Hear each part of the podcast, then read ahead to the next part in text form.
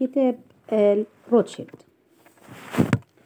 وفي يوليو عام 1862 ومارس 1863 صدر قراران كل منهما يسمح بإصدار 150 مليونا من الدولارات فغدا المجموع الكلي 450 مليون دولار وكلها لا تعطي أي فائدة. فلما اضطرت الحكومة لأموال إضافية لتغطية نفقات الحرب اشترط أرباب المصارف ألا تكون الأوراق التي ستصدرها في شكل دولارات وإنما في شكل أسهم إذ أن الدولار لا فائدة من إصداره بينما على السهم فائدة ترتجى. كيف استمرت الحكومة في حرب ضخمة تكلف سبعة بلايين دولار من غير تغطية ذهبية؟ لأن جميع الإمدادات كانت تتم داخل القطر وبأموال أمريكية. ولهذا قبل الدولار بكل, سهو بكل سرور. أما كيف وجدت الحكومة نفسها بعد الحرب؟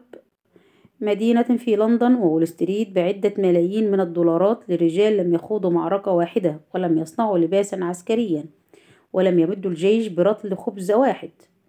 وهم رجال لم يقوموا بعمل شريف مرة واحدة في كل حياتهم. الحقيقة أن الملايين التي اكتسبت بعرق العمال الأمريكيين ودموعهم ودمائهم ذهبت إلى جيوب هؤلاء الرجال دون مقابل.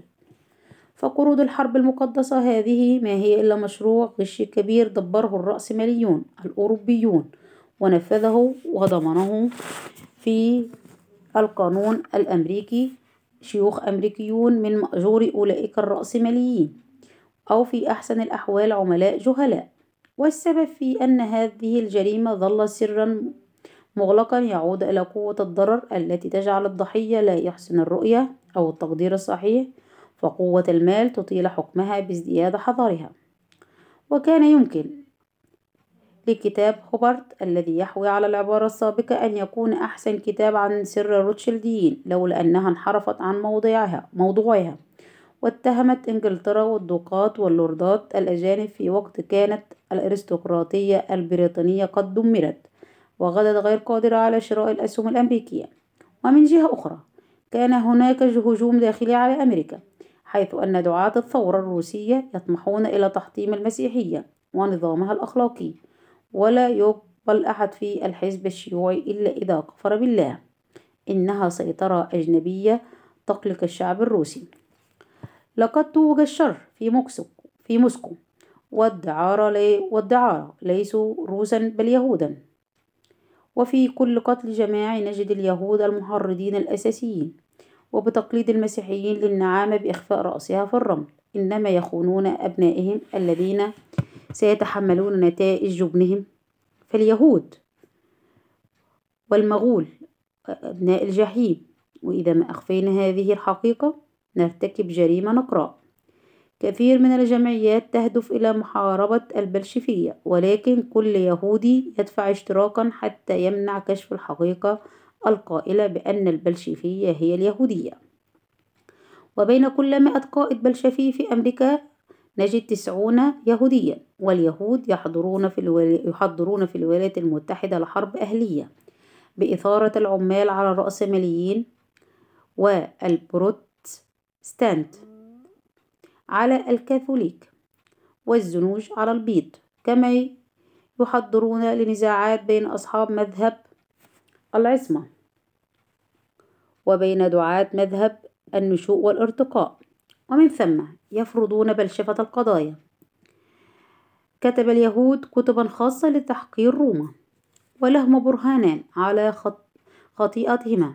أولا أكاذيب شن شن شنكيوي وثانيا كلمات نسبت إلى لينكولن تقول إنه قال يلمح سحبا تأتي من روما غير أن ابنه أنكر هذا القول.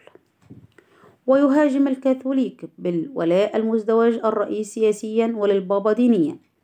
ولكن مثل هذا الولاء المزدوج قد أنكره المسيح نفسه حين قال دع ما لقيصر لقيصر وما لله لله فأعداء روما يسيرون الخمسة وعشرين مليون كاثوليكي وهم أكثر الناس جدية في العمل وأقواهم وطنية ناسين أن كل نزاع سيستغله أعداء أمريكا. ويقول مأمون سعيد ترجم كتاب حكومة العالم الخفية مذهب العصمة الحرفية مذهب بروتستاني. نشأ في القرن العشرين يقول بعصمة كل ما جاء في الإنجيل. وقد خطط باروخ بالتأكيد الدولة الشيوعية التي ستعلن مباشرة بعد إعلان الحرب القادمة.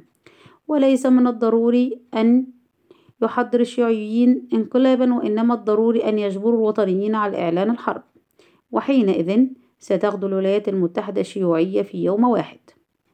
يقول باروخ أن قوته تفوق قوة أي شخص آخر ولكن قوته ضئيلة بالمقارنة مع تلك التي للحرب.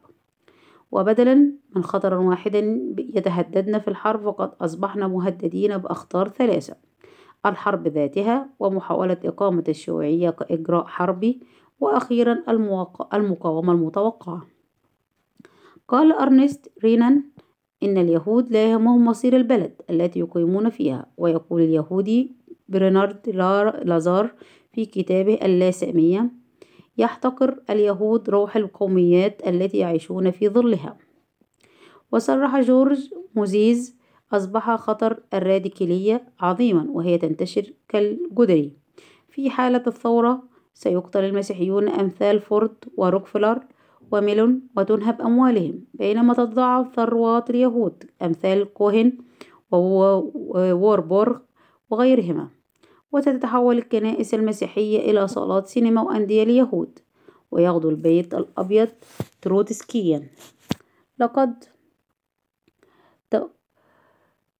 لقد توفي قادة العمال العظماء من أمثال غومبريز وستونين وجاء قادة جدد جدد أكثر راديكالية وعنفا.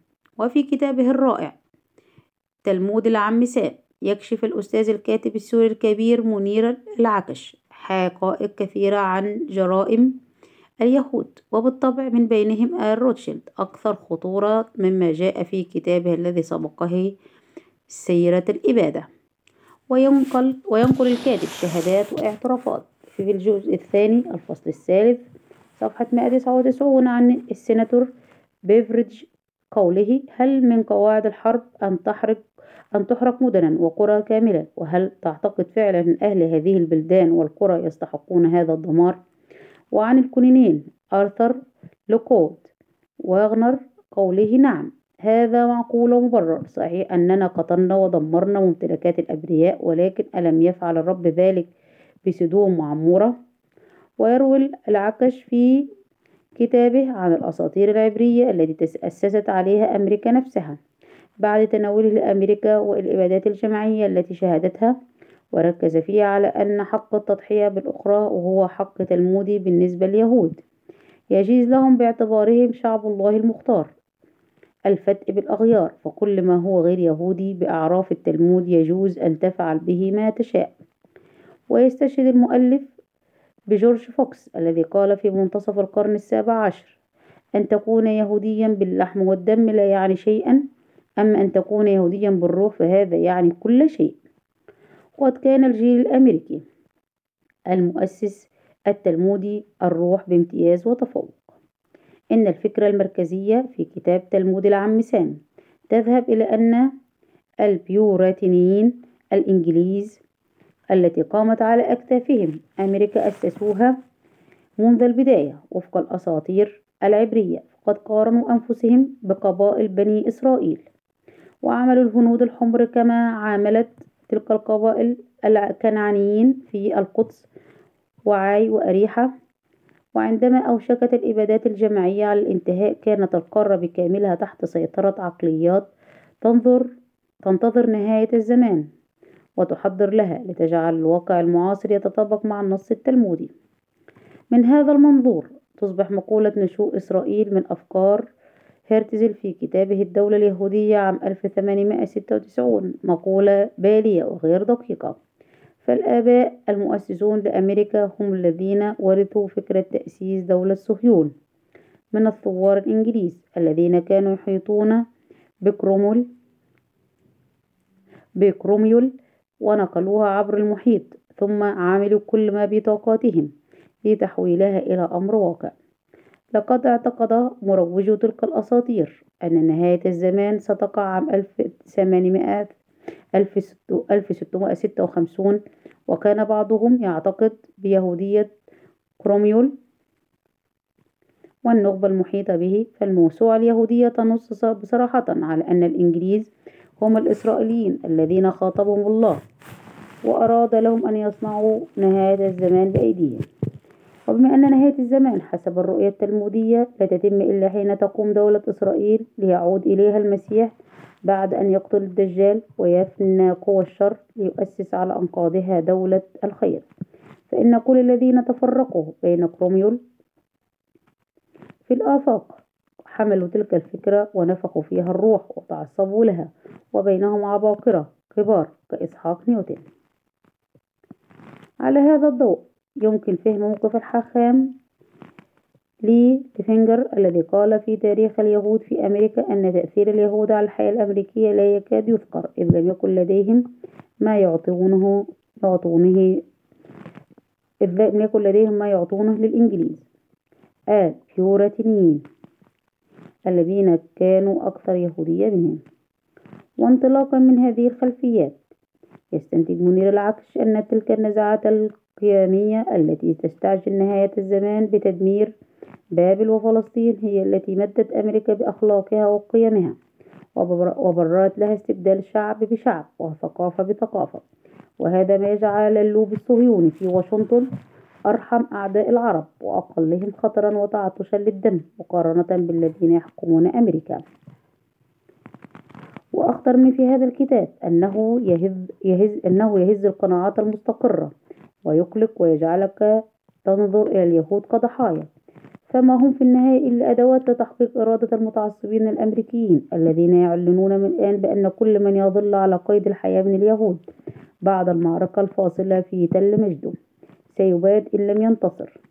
وفي آخر حرب فيتنام أفادت الأبحاث أن قتل فيتنامي واحد يكلف مئتين ألف دولار.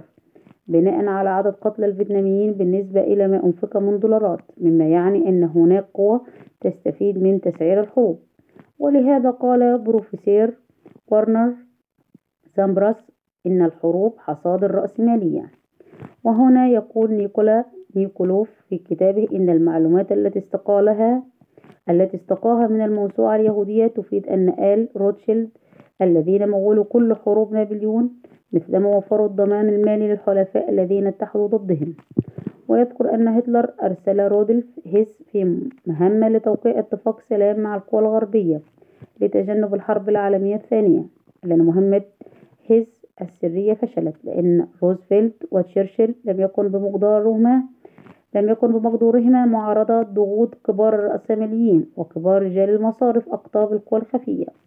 فرجع هيس خائبا واشتد أوار الحرب فجنى هؤلاء الأثرياء مئات الملايين. أرباحا خسرت البشرية خمس وخمسون مليون نفس. والذين يسيطرون على نظام العالم النقدي يسيطرون على القرارات السياسية في العالم. انتهى التسجيل.